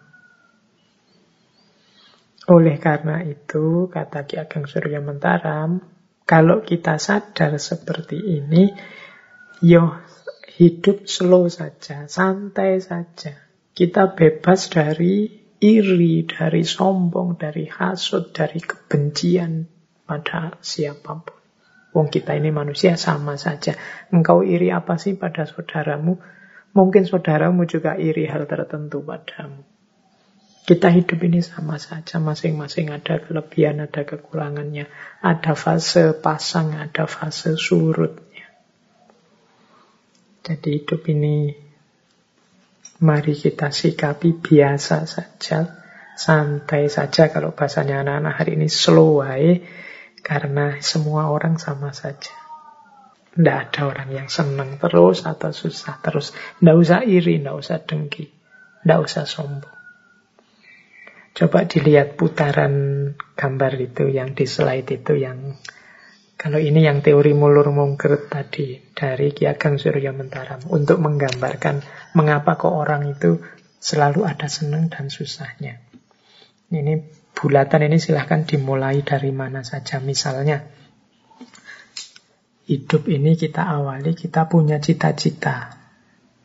Kemudian cita-cita kita tercapai. Akhirnya kan kita senang cita-cita tercapai, kita senang. Jangan lupa, ketika orang cita-cita A tercapai, biasanya dia tidak berhenti. Dia masih punya cita-cita lanjutannya. Misalnya, Pak, saya ingin lulus tercepat, terbaik, misalnya.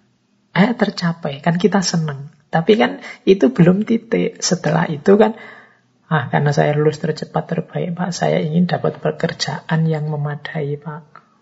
Nah, itu kan mulur lagi keinginannya. Yang tadinya seneng, sekarang mulai mulur. Ketika mulur mungkin tidak tercapai.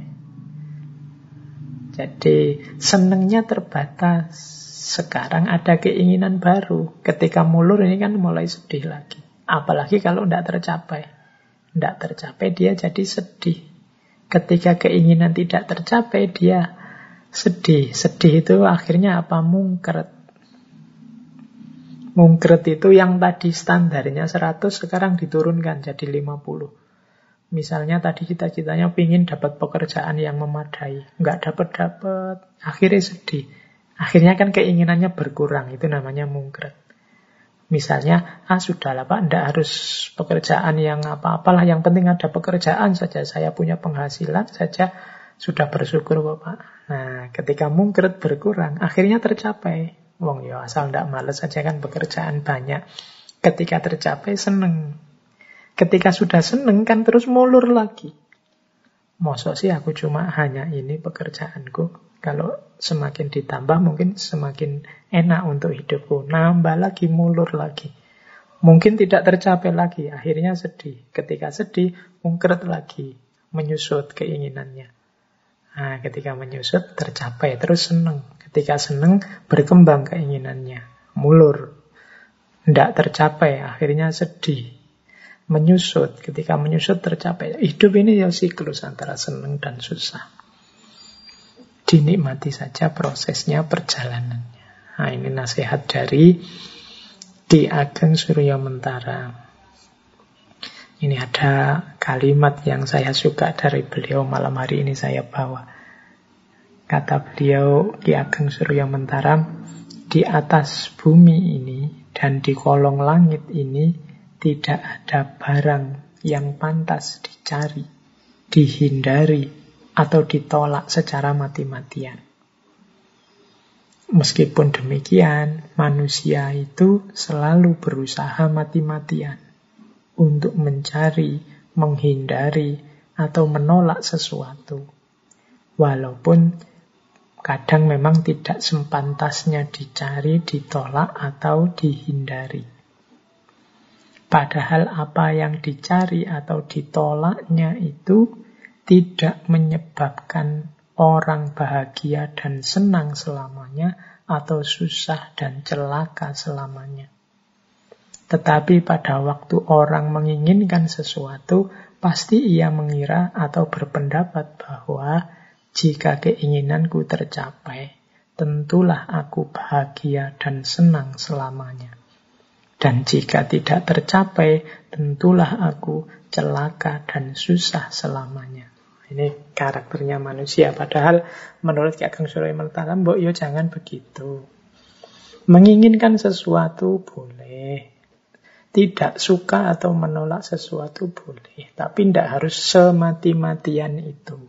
Seolah-olah kalau gagal memperoleh yang diinginkan atau menolak yang tidak disukai, terus hidupmu hancur. Atau kalau memperoleh yang kamu inginkan dan menyingkirkan yang kamu tidak sukai, terus hidupmu bahagia terus gitu. Tidak, tidak begitu. Hidup tetap akan siklus, kadang seneng, kadang susah.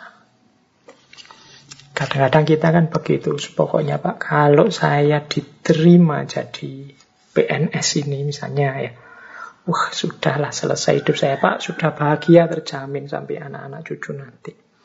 Atau kalau saya berhasil menikahi dia, Pak. Wah, sudah. Hidup saya mesti tidak ada susahnya. Seneng, terus bahagia, terus. Atau kalau saya punya uang 10 miliar saja, Pak.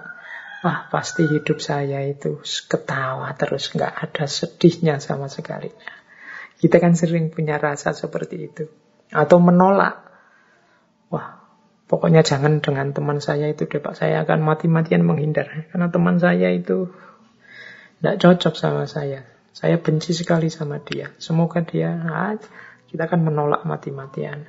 Janganlah Pak kalau kerja di sana, kerja di sana itu menurut saya. Kita nolak mati-matian.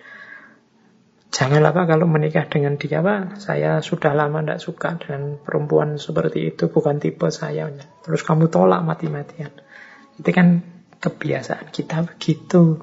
Pak Ki Ageng Surya Mentara mengingatkan Mbok yo, Mbok yo jangan begitu. Jangan keterlaluan. Keterlaluan mencari atau keterlaluan menghindari. Seolah-olah kalau berhasil yang engkau cari hidupmu bahagia selamanya atau sebaliknya. Kalau tidak berhasil menolak yang engkau benci, hidupmu susah selamanya. Tidaklah. Hidup itu akan selalu gilir berganti antara senang dan susah. Baik, teman-teman, kita lanjutkan. Kalau tadi sudah kita bahas tentang orientasi hidup masyarakat Jawa dengan memedomani cokro manggilingan, sekarang kita lanjutkan prinsip-prinsip hidup, sikap-sikap konkret ideal masyarakat Jawa sesuai dengan falsafah cokro manggilingan ini. Jadi ini setelah ini kita lihat prinsip-prinsip apa saja, kebijaksanaan-kebijaksanaan hidup seperti apa saja yang dikembangkan oleh masyarakat Jawa. Ya tentunya secara ideal. Secara ideal itu maksudnya yang diinginkan oleh masyarakat Jawa itu seperti ini. Bahwa dalam perwujudannya, manifestasinya hari ini, falsafah-falsafah, prinsip-prinsip kebijaksanaan-kebijaksanaan yang rasanya luar biasa ini perlahan-lahan mulai terkikis, ya tanggung jawab kita semua untuk melestarikan, mempertahankan, mengkontekstualkannya kembali dengan kehidupan kita di masa kini. Oke, berhadapan dengan cokro manggilingan, prinsip yang paling dasar menurut catatan saya adalah prinsip ini juga saya ambil dari Ki Ageng Surya Mantaram gelemi kahanan menerima situasi prinsip menerima situasi ini mungkin bagi beberapa orang misalnya yang banyak terpengaruh pandangan-pandangan tentang progres tadi yang punya wawasan bahwa hidup ini linier, semakin maju, semakin maju. Prinsip ngelemi kahanan ini mungkin dianggap prinsip yang pasif, tidak bisa maju. Tapi sebenarnya maksudnya bukan kok orang itu tidak boleh maju atau tidak mau maju. Tapi orang itu pertama-tama harus menerima situasi yang dihadapinya saat ini maju tapi tidak menerima situasi yang dihadapi saat ini, yo sering kali produk-produk mungkin pikiran, mungkin budaya, mungkin gagasan yang dihasilkan jadinya tidak nyambung dengan identitas kediriannya. Tidak cocok. Untuk bisa seseorang itu maju kan harus jelas di mana dia berdiri, harus menerima situasi tempatnya berdiri. Baru kelihatan kita ini maju atau mundur. Tapi kalau orang tidak ngelemi kahanan, tidak menerima situasinya sekarang, susah kita membaca ini orang maju apa mundur, apa setback. Ini yang mungkin menurut saya jadi akar kritiknya beberapa tokoh terhadap peradaban modern.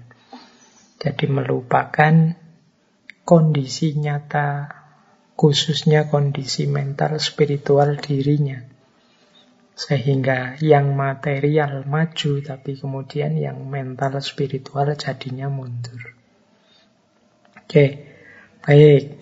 Nah, cokro manggilingan atau ngelemi kahanan yang jadi perwujudan prinsipnya cokro manggilingan ini ada kalimat yang saya suka dari Ki Ageng Surya Mentaram itu yaitu saiki neng kene ngene aku gelem. Jadi mengalami apa pun yang memang sudah kenyataan dalam hidup kita. Yos memang sudah terjadi begitu, harus kita terima.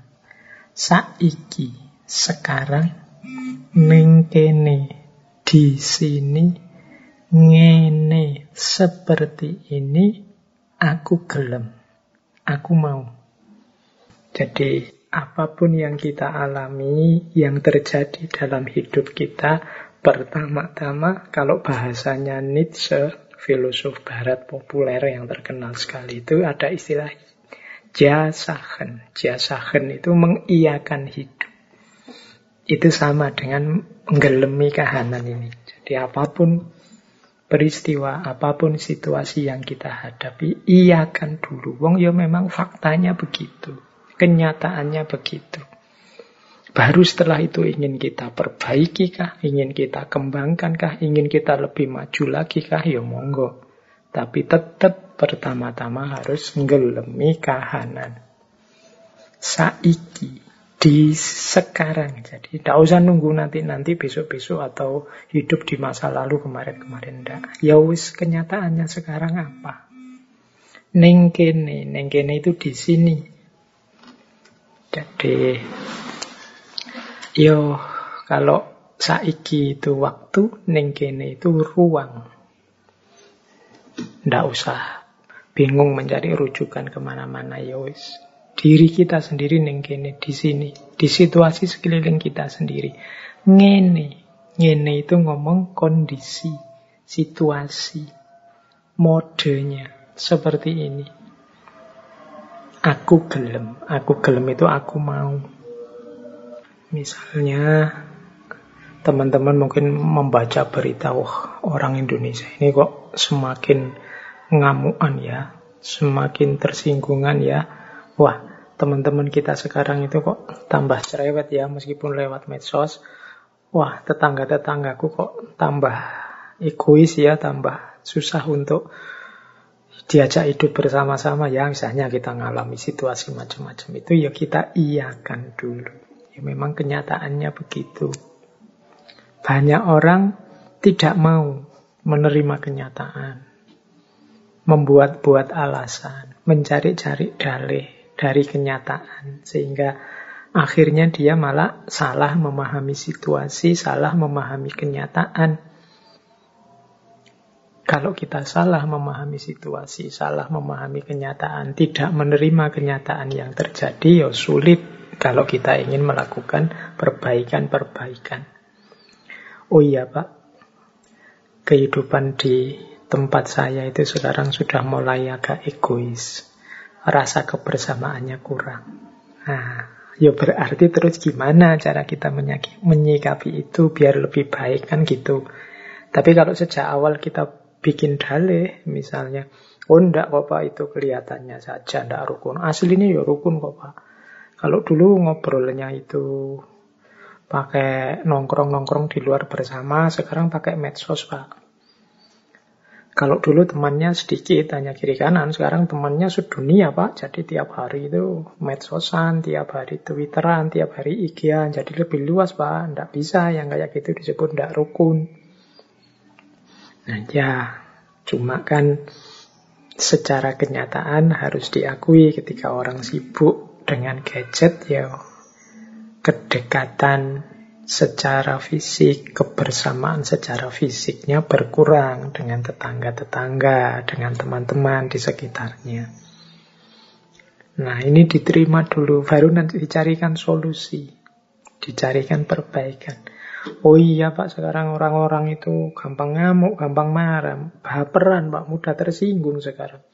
Kita salah ngomong sedikit bisa dilaporkan. Nah, ya diterima saja situasinya memang begitu. Setelah itu lah terus solusinya gimana? Nanti kan ada perbaikan. Di situlah gunanya ngelemi kahana. Banyak yang tidak terima. Ya hidup kita ya ada baiknya tapi juga ada buruknya apa pun itu. Maka kalau ada saudara kita, teman kita menyebut-nyebut buruknya ya ndak harus kesusu ditolak. Siapa tahu itu memang kenyataannya begitu. Kita terima kemudian kita perbaiki. Jadi ini tidak harus diartikan kritik barat tadi misalnya oh ini pasif ini ndak aktif ndak justru terukur tindakannya, tidak asal maju. Inilah gunanya ngelemi kahanan. Makanya nanti di masyarakat Jawa itu ada istilah tadah, peradah, dan ora wega. Tadah itu tidak meminta apa pun. Tidak meminta itu maksudnya bukan tidak punya keinginan, tapi tidak banyak menuntut. Mensyukuri apa yang sudah dicapai. Orang bersyukur itu biasanya yang tidak mengeluh, tidak menuntut. Itu tadah menerima tadi, ngelemi kahanan. Tapi juga tidak diam. Selanjutnya ada perada. Perada itu mau repot untuk perbaikan sesama, untuk menyumbang tenaga, menyumbang pikiran, nyumbang ilmu, nyumbang harta untuk kehidupan sesama. Itu namanya perada. Jadi setelah menerima tadah kemudian perada. Jadi tidak ada hubungannya dengan males atau pasif. Justru dengan potensi yang sudah diakui, dimiliki saat ini, berusaha untuk melakukan yang terbaik meskipun itu repot. Meskipun itu capek, meskipun itu kehilangan. Itu namanya perada. Jadi ikhlas memberi dan yang ketiga, ora wega. Ora wega itu ndak males, ndak segan, ndak enggan, tidak menunda-nunda, ndak milih-milih ketika akan melakukan kebaikan. Jadi tidak hanya rebahan, ngerti ribuan jutaan konsep kebaikan, ngerti ratusan hikmah kebijaksanaan, kalau tidak diterjemahkan dalam kehidupan nyata sehari-hari, kalau kita hanya wegah saja, males, menunda-nunda, menunggu-nunggu besok saja, nanti saja, atau milih yang enak-enak saja, itu juga namanya wegah. Belum disebut terpuji. Yang terpuji itu ya tadah, pradah, ora wegah. Jadi setelah tadah menerima kahanan, gelemi kahanan, setelah itu peradah, mau repot, ikhlas memberi untuk sesama, dan yang ketiga, tidak males, tidak enggan, tidak menunda-nunda, tidak memilih-milih. Saiki neng kene ngene aku gelem. Sekarang di sini seperti ini aku mau. Ini penerjemahan cokro manggilingan dalam kehidupan sehari-hari. Jadi kita terima situasi kita hari ini, kita bergerak dalam perada sehingga roda terus akan berputar. Oke, terus yang kedua menyikapi cokro manggilingan, roda yang selalu berputar, ada tiga prinsip yang terkenal sekali di tengah masyarakat Jawa, yaitu ojo dumeh, eling, dan yang ketiga waspodo. Ini di hampir semua tema kita yang membahas tentang falsafah Jawa, selalu saja muncul kata-kata ini. Dulu kita pernah belajar wulang reh, kita pernah belajar Wedotomo dan banyak lagi serat-serat Jawa yang lain. Di hampir semua serat Jawa yang kita bahas, selalu saja ada ojo dumeh, eling, lan waspodo. Dulu pun waktu kita membahas tentang Semar juga ada tiga kalimat ini, tiga kata ini. Ini juga manifestasi dari orang yang punya kesadaran cokro manggilingan. Jadi yang pertama, ojo tumeh, ojo tumeh itu jangan mentang-mentang, jangan sombong. Orang tumeh itu biasanya orang yang punya sedikit kelebihan tertentu dibandingkan yang lain. Makanya sering diterjemahkan sebagai jangan sombong. Jangan mentang-mentang. Jangan mentang-mentang pinter terus menyusahkan orang lain dengan ilmu kita.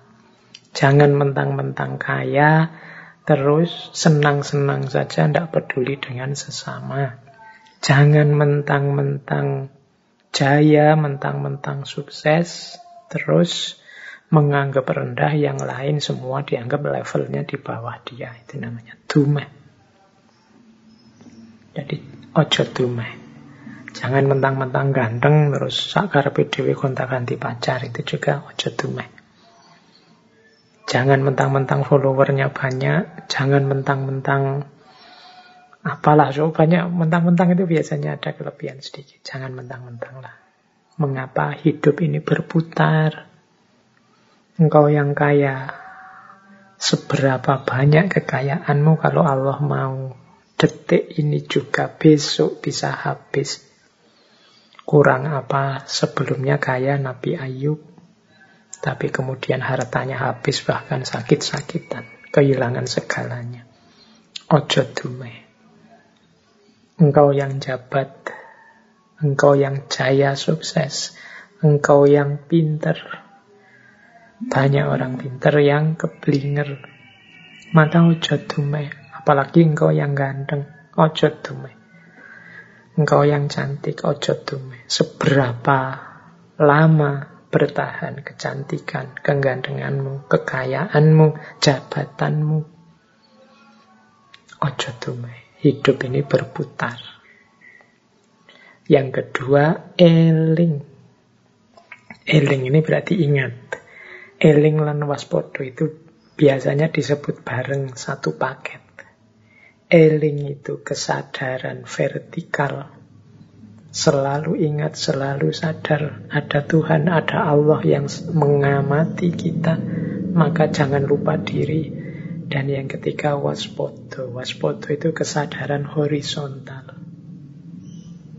Jadi hati-hati. Hidup ini berputar. Hati-hati. Hidup ini tidak selalu seperti yang kita inginkan.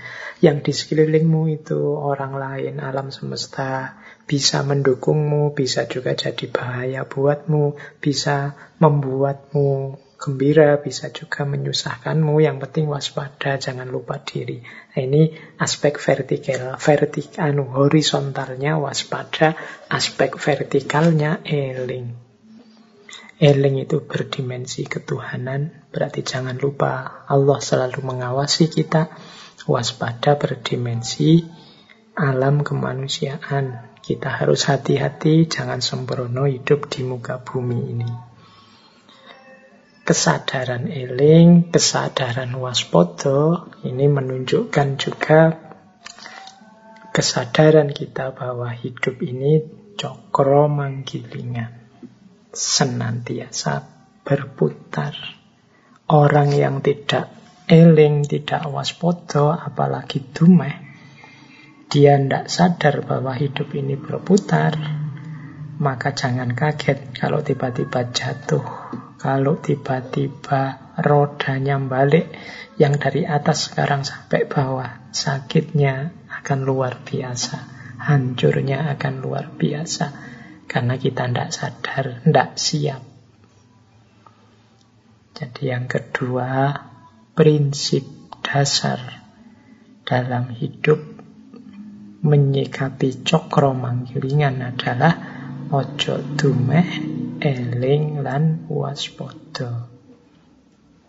Ini saya sendirikan yang tiga ini karena menjadi salah satu prinsip utama dalam kehidupan masyarakat Jawa. Apalagi yang teman-teman Jawa mesti yo harus ingat tiga prinsip dasar ini jangan sampai lupa. Kesehatan mental kita antara lain ditenggulkan pada ojo dume, ini dimensi psikologisnya. Kesehatan spiritual ditentukan oleh ketika kita eling, menyambung dengan yang atas. Sementara kesehatan hidup sosial bersama orang lain, bersama masyarakat di tengah alam semesta itu kita bersikap waspada. Jadi ojo dumeh eling lan waspada. Oke, itu paket kedua wisdom yang berhubungan dengan cokro manggilingan. Sekarang kita lihat yang ketiga. Menyikapi cokro manggilingan. Prinsip apa saja yang dihidupkan di tengah masyarakat Jawa itu saya bawa beberapa prinsip yang ada kata-kata ojo Ojo itu artinya jangan. Tadi ada ojo dume. Nah, ojo dume saya sendirikan karena jadi prinsip yang utama. Tapi ini ojo-ojo yang lain. Jadi banyak sekali jangannya. Karena ini kalau dalam bahasa sering saya sebut ini semacam remnya. Silahkan lakukan apa saja asal remnya paten. Remnya paten itu berarti jangan nabrak hal-hal ini. Baik, kita lihat. Orang yang sadar bahwa hidup ini berputar, kadang di atas, kadang di bawah. Yang pertama, ojo adikang, adikung, adiguno. Ojo adikang, adikung, adiguno. Maksudnya ojo adikang itu jangan sombong mengandalkan kekuatanmu.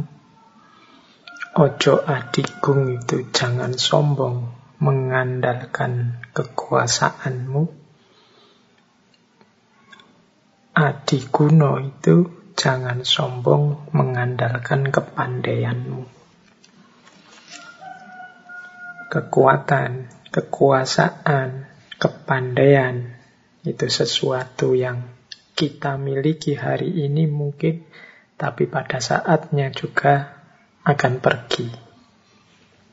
Tidak ada orang kuat selamanya, atau dia berkuasa terus-terusan selamanya, atau dia pinter terus, pinter dalam segala hal.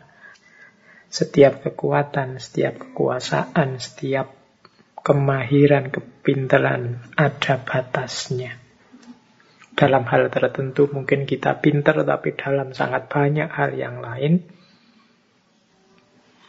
kita termasuk yang tidak tahu apa-apa. Di ranah tertentu mungkin kita berkuasa, punya kekuatan, punya kekuasaan, tapi di ranah yang lain yang justru lebih banyak, lebih luas, kita tidak punya kuasa apa-apa, tidak punya kekuatan apa-apa. Yang namanya manusia selalu ada batasnya.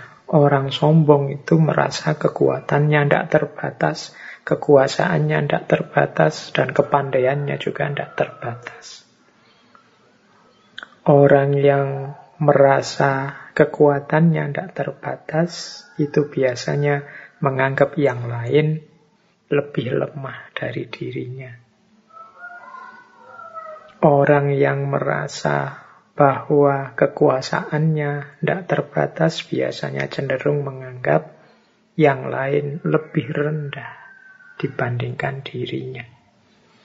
Sementara orang yang merasa sangat pandai, kepandaiannya tidak terbatas, biasanya cenderung menganggap yang lain lebih bodoh, lebih keliru, lebih sesat daripada dirinya. Ini memanifestasikan orang yang tidak sadar bahwa hidup itu muter. Tadi di atas saya bilang, kalau Allah mau kekuasaan, kekuatan sedahsyat apa pun bisa satu detik hancur. Bagaimana ceritanya misalnya Raja Namrud zaman Nabi Ibrahim yang meninggal karena seekor nyamuk. Kurang dahsyat apa seorang raja kalahnya sama nyamuk. Kurang merasa besar apa manusia modern dengan segala kedahsyatan teknologinya. Kita merasa menguasai bumi dan seisinya, ya kalahnya melawan bahkan lebih kecil dari nyamuk, virus namanya COVID-19. Jadi, tidak pantas kita itu Sombong, tidak pantas kita itu merasa pinter, merasa kuat, merasa besar. Itu yang pertama. Ojo selanjutnya. Ini paket ojo-ojo, ini paket jangan-jangan. Ojo gumunan, ojo getunan, ojo kagetan, ojo aleman. Ojo gumunan itu mudah apa kagum. Ada apa-apa dikit, wow, ada apa-apa dikit, wow. Itu mudah kagum. Orang yang mudah gumunan, mudah kagum itu biasanya mudah ditipu, mudah dibohongi. Yo, fenomena viral-viral itu kan banyak memanfaatkan logika manusia yang suka gumunan. Wah, tadi itu ada ini loh. Peristiwa alam yang begini loh. Wah, tadi itu gumunan. Orang kagetan. Jadi, orang kaget itu biasanya terus, apa, orang gumun itu biasanya tidak waspada. Orang wow itu biasanya terus tidak bisa berpikir jernih. Jadi bagian ojo yang kedua ini menggiring orang tidak bisa berpikir jernih. Gumunan. Kalau kita sadar cokro manggilingan, sadar bahwa segala sesuatu sudah ditentukan oleh Allah, mungkin kita tidak terlalu gumunan. Kalau Allah menghendaki, ya apa pun bisa terjadi. Yang kedua, ojo getunan. Ketunan itu mudah menyesal. Orang yang mudah menyesal itu menunjukkan bahwa perbuatannya tidak terkontrol atau tidak maksimal. Orang menyesal itu kan karena Mbok kemarin aku begini, akhirnya ndak begini. Mbok kemarin aku begitu, akhirnya ndak. Itu orang mudah menyesal itu biasanya orang yang sembrono, tidak serius, tidak memberikan apa yang dia punya sepenuhnya. Ujian misalnya. Ala ujian aja dikerjakan sak-sae, yang penting lulus ya wis. Akhirnya nilainya jatuh. Nah, itu kan kita mensesal. Mbok coba kemarin saya ngerjainnya sungguh-sungguh, mestinya nilaiku lebih bagus lagi. Ketun, ya salahnya sendiri kemarin tidak serius. Jadi getun, tidak memberikan yang 100%, tidak berupaya sepenuhnya. Ini menyebabkan orang getunan. Jadi cirinya orang getun itu menyesali masa lalu. Mengapa masa lalu disesali? Karena dia tidak serius. Maka ojo getunan. Berarti apa? Berikan sepenuhnya apa yang engkau mampu. Kemudian ojo kagetan. Ojo kagetan ini jangan mudah kaget. Biasa saja di dunia ini apa sih yang tidak mungkin? Kalau sering-sering kaget jadinya kita tidak waspada. Mudah ditipu orang, mudah ditrik orang. Tiba-tiba ada WA, selamat, Bapak memenangkan undian sebesar 750 juta. Wow, itu kaget, waduh, jangan-jangan aku menang beneran ini. Jangan-jangan enggak lah, biasa saja. Sekarang banyak yang kayak gitu nipu-nipu. Jadi memanfaatkan situasi psikologis kita yang mudah kaget. Kalau tiba-tiba ada kabar apa itu terus kita kaget. Ketika kita kaget, kita tidak waspada. Ada ya hari ini banyak itu yang lewat medsos itu tiba-tiba juara satu atau kadang ngeri itu. Anak bapak kecelakaan. Itu harus kita kaget. Ketika kita kaget, kehilangan kewaspadaan. Tidak bisa waspada. Maka jangan kagetan. Terus berpikir yang jernih, yang waspada. Yang keempat, ojo aleman. Ojo aleman itu jangan manja. Atau kadang juga diterjemahkan jangan senangnya dipuji saja. Orang aleman itu orang yang selalu minta dilayani. Jadi harusnya dia bisa memenuhi sendiri, dia nunggu dipenuhi orang lain. Itu kan bukan tugas saya. Oh, meskipun sebenarnya kalau dia tandangi ya beres, tapi aleman. Jatahku kan cuma ini. Itu kan tugasnya dia misalnya. Jadi tidak ringan tangan. Dan dia inginnya dilayani terus. Itu aleman. Jangan aleman. Orang aleman itu berarti dia tergantung pada orang lain. Tidak mandiri. Meskipun tadi diartikan suka dipuji, orang suka dipuji juga berarti hidupnya tergantung pada orang lain. Tidak mandiri versi dirinya. Nah, jadi yang kedua, ojo kagetan, ojo gumunan, ojo getunan, ojo aleman. Ojo gumunan, jangan mudah kagum. Ojo getunan, jangan mudah menyesal. Ojo kagetan, jangan mudah kaget. Ojo aleman, jangan manja. Terus, paket ojo selanjutnya. Ojo ketungkul marang kalungguhan, kadunyan lan kamareman. Jangan ditaklukkan oleh kedudukan keduniaan harta benda dan kemarman, kesenangan. Jadi hidup kita tolong jangan diperbudak oleh posisi atau jabatan atau kedudukan. Jangan diperbudak oleh harta, jangan diperbudak oleh kesenangan saja. Diperbudak itu berarti kalungguhan, kadonyan, kamareman itu yang menyetir kita. Bukan kita yang menguasai kedudukan, harta, dan kesenangan. Bukan kita yang mengendalikan kesenangan, tapi kesenangan yang mengendalikan kita. Dikendalikan oleh kesenangan itu ya berarti hidup kita itu yang kita tuju seneng terus. Kita tidak bisa ngerem kesenangan. Kalau sudah seneng itu terus yang dicari, dikejar sampai lupa segalanya. Itu berarti kita disetir oleh kesenangan. Kalau sudah begitu, ya berarti kita tidak sadar cokro manggilingan. Hati-hati, hidup itu berputar. Kadang orang mencari kesenangan saja, jatuhnya malah kesena, kesusahan yang tidak ada akhirnya.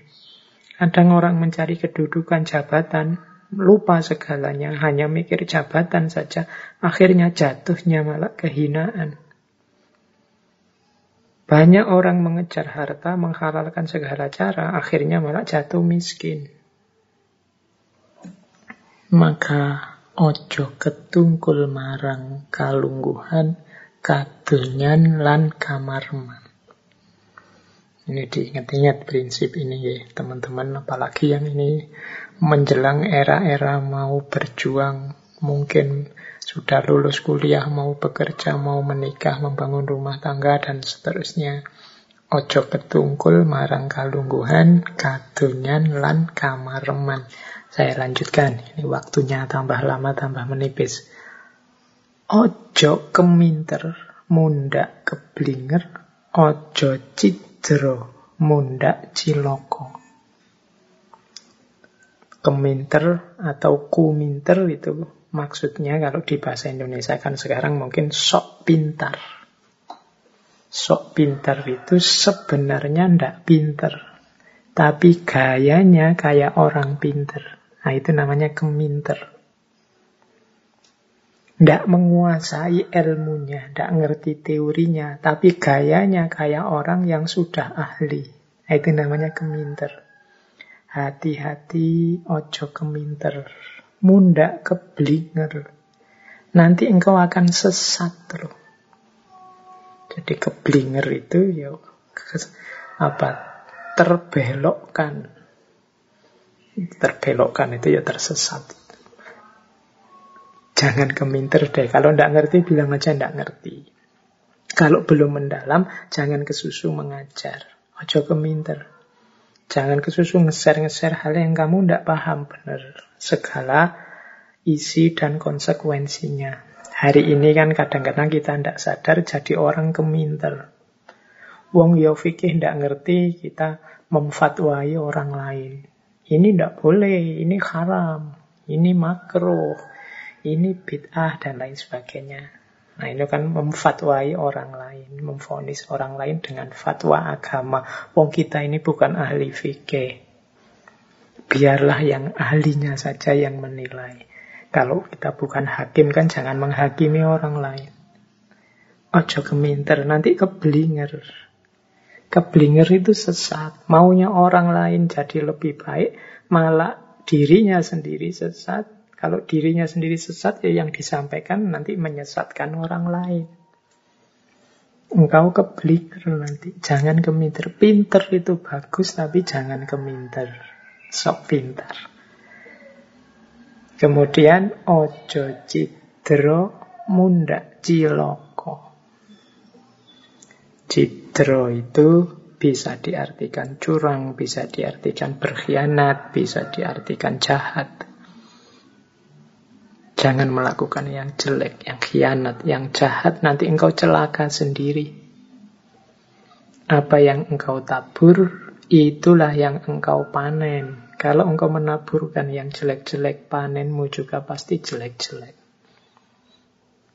Tapi Pak, buktinya tetangga saya senang terus meskipun dia jahat sampai meninggal. Jangan lupa, hidup ini tidak hanya alam purwo, alam madyo, tapi juga ada alam wusono. Di sanalah yang sejati akan kelihatan.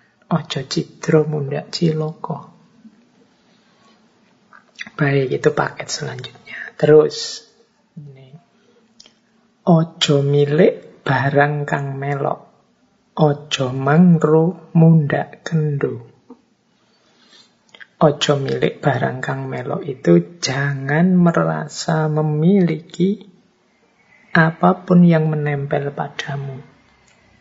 Jadi semuanya itu ndak hakiki.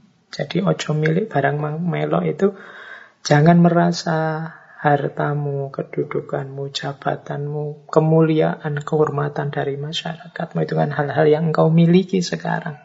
Yang melok padamu. Dia hanya melok ikut, tapi bukan milikmu. Jangan merasa milik. Bahkan termasuk anak istri. Yo kalau bahasa lain itu semuanya hanya titipan dari Allah. Tugas kita mengelola sesuai dengan amanat yang punya. Ya yang punya Allah. Amanatnya Allah kita jalankan. Kita dititipi istri, dititipi suami, dititipi anak, dititipi harta, dititipi jabatan. Semuanya harus kita kelola dengan baik sesuai keinginan yang nitipi. Maka ojo milik barang kang melok Jangan diperlakukan seperti milikmu. Tetap sadarilah bahwa itu hanya titipan. Jadi caramu memperlakukan sesuai yang nitip. Yo kalau teman-teman nanti ada di kajian-kajian tasawuf ini lebih dalam. Bagaimana kita jangan terikat, jangan melekat dengan dunia. Kemudian ojo mangru, mundak kendo. Jangan mendua maka akan kendu. Kendu itu kendor. Kendor itu berarti tidak fokus. Mangro itu tidak fokus, mendua. Terlalu banyak pertimbangan, akhirnya tidak jalan, tidak fokus. Akhirnya lelet dalam perjuangan.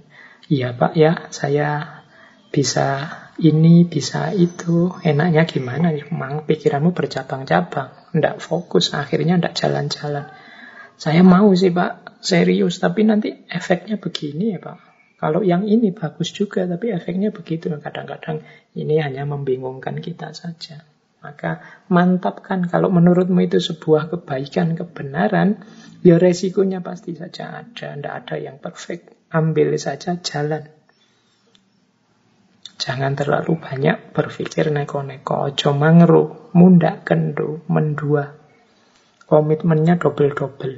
Nah itu biasanya terus kendor. Tidak ada yang 100% semua. Ojo gigi mongso. Ojo gigi mongso itu jangan terlalu ambisius. Jadi ojo gigi mongso itu ya jangan terlalu berambisi tentang sesuatu. Dunia ini cokro manggilingan. Kalau saatnya memang engkau di atas, ya akan di atas. Kalau saatnya hal itu memang jatahmu, takdirmu yang akan engkau alami. Ojo gigi mongso. Punya cita-cita boleh, punya keinginan boleh, tapi jangan ambisius. Jangan mewajibkan sesuatu yang di luar kekuasaanmu. Pokoknya saya tahun ini harus sudah naik haji. Ya sekarang yang sudah terdaftar saja bisa mundur karena virus corona. Ojo gigi mongso. Saya harus jadi yang nomor satu di dunia sekarang ini Pak. Ojo gigi mongso lah. Yang biasa-biasa saja. Jangan terlalu diperbudak oleh ambisi-ambisi duniawi. Baik, oh, ini waktunya sudah mau habis. Ada beberapa lagi, saya baca cepat saja ya, semoga nanti lain waktu bisa kita lanjutkan khazanah-khazanah falsafah Jawa yang lain. Ada cara menyikapi cokro manggilingan yang lain, yaitu alon-alon waton kelakon. Alon-alon waton kelakon ini yo falsafah Jawa yang sering dikritik orang dianggapnya orang Jawa itu terus berarti lelet, tidak bisa efek kerja efektif, kerja yang cepat, tidak. Alon-alon waton kelakon itu fokus pada hasilnya. Alon-alon waton kelakon itu mau menggembalakan prosesnya, mau mengikuti step-stepnya. Tidak kesusu ada logika kalau dalam filsafat itu namanya pragmatisme. Fokus pokoknya gimana caranya hasilnya segera kelihatan. Enggak, kalau di Jawa, alon-alon water kelakon itu intinya di hasil sepenuhnya sesuai yang kita inginkan. Kita ikuti prosesnya step by step. Jadi itu yang disebut alon-alon waton kelakon. Pelan-pelan, tapi mantep. Itu arahnya ke situ. Kalau memang waktunya di atas, ya kita akan di atas. Kalau belum waktunya, seperti apa pun kita tetap di bawah. Segalanya ada pergilirannya sendiri. Kalau memang belum jatahnya, tidak akan nyampe ke kita. Kalau memang sudah jatah kita, apa pun yang terjadi akan sampai. Maka jangan gigi mongso, alon-alon saja. Semoga cita-cita tercapai alon-alon waton kelakon. Ada juga mungkin falsafah yang lain yang ini juga saya tulis sopo nandur bakal ngunduh. Siapa yang menanam, dia yang akan panen, menuai. Fama ya'mal miskola dharrotin khairo yaroh wa ma ya'mal miskola syarro yaroh.